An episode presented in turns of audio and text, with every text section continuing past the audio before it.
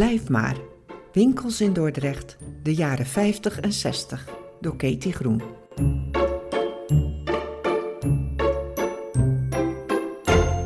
Een baken op de Spuiweg.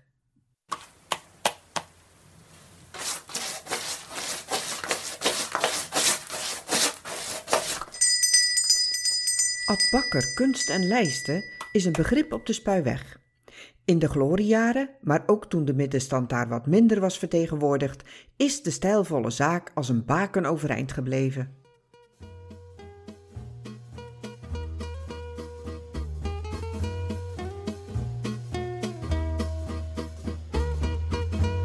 Hoewel in dit boek winkels aan bod komen uit de jaren 50 en 60 die er nu niet meer zijn, was destijds de winkel van Bakker hierop vrijwel de enige uitzondering. De kunsthandel bezat een schat aan beeldmateriaal, vaak familiefoto's, waarvan Ad Bakker er nog een aantal vrijwillend voor dit boek afstond.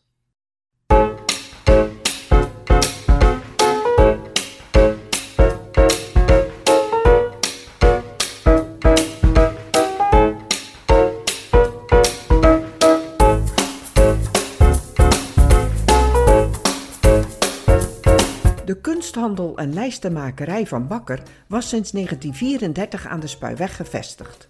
Adrianus Bakker, die leefde van 1909 tot 1998, begon als 14-jarige bij lijstenmaker De Wit in de Grote Spuistraat als loopjongen en verdiende 2,50 gulden per week.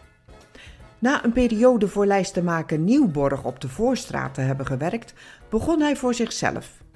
Hij huurde in 1934 een pand op de Spuiweg nummer 14. Vier jaar later was het pand te klein en verhuisde hij naar nummer 20. Hij trouwde in 1938 met Cornelia van Dam uit Sliedrecht. Die leefde van 1914 tot 1983. Ze kregen drie kinderen: Hans, Wil en Ad.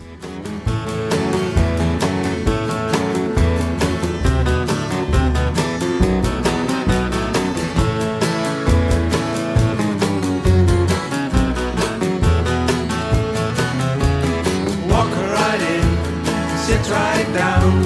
Daddy, let your mind roll on. Walk right in, sit right down. Daddy, let your mind roll on.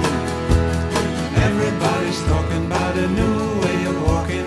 Do you wanna lose your mind? Walk right in, sit right down.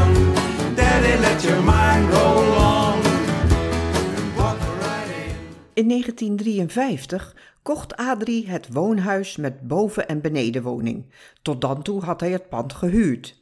In de loop der jaren kocht hij er de belendende woningen bij.